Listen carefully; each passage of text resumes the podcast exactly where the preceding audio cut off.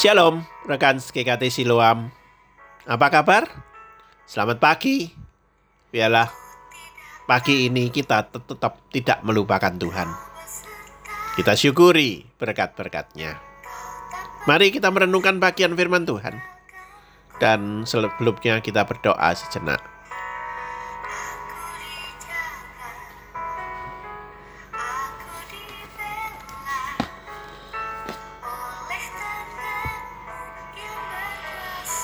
Kejadian 49 ayat 22 sampai 24.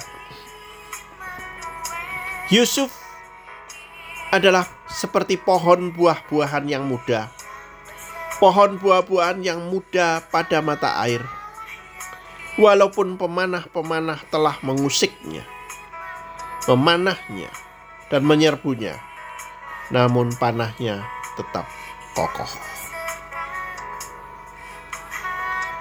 Waktu Yakub mengumpulkan anak-anaknya untuk mengucapkan berkat kepada mereka, ia menekankan penderitaan dan perlakuan keji yang dialami Yusuf, salah satu anaknya. Memang tidak dapat disangkal pemanah-pemanah memanahnya Anak-anak panah berdesingan dari segala penjuru dalam bentuk kata-kata dan perbuatan yang jahat yang diucapkan kepada Yusuf oleh saudara-saudaranya, oleh kakak-kakaknya. Kemudian anak panah fitnah tidak tanggung-tanggung juga membawa dia ke penjara. Betapa berat penderitaan Yusuf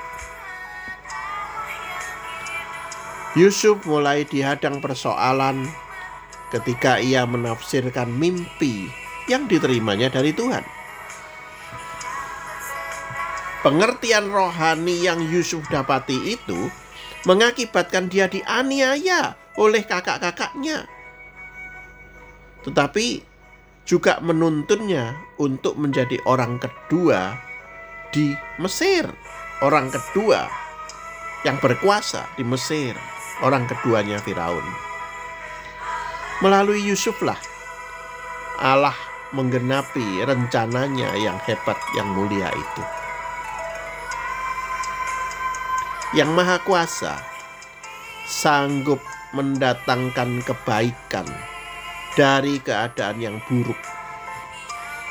Ia sanggup mewujudkan kehendaknya melalui orang-orang yang mengakui bahwa dialah yang berdaulat.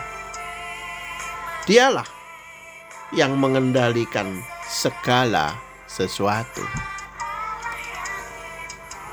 Penderitaan ringan yang sekarang ini mengerjakan bagi kami kemuliaan kekal yang melebihi segala-galanya.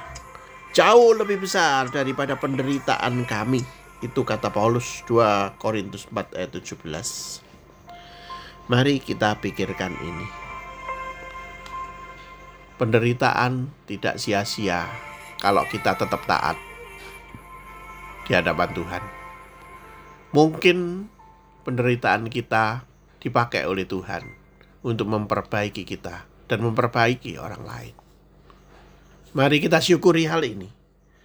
Mari kita sukacita karena apa yang terjadi di dalam diri kita orang yang dapat melihat adanya nilai-nilai rohani yang kekal di balik penderitaannya akan bertahan sampai akhir.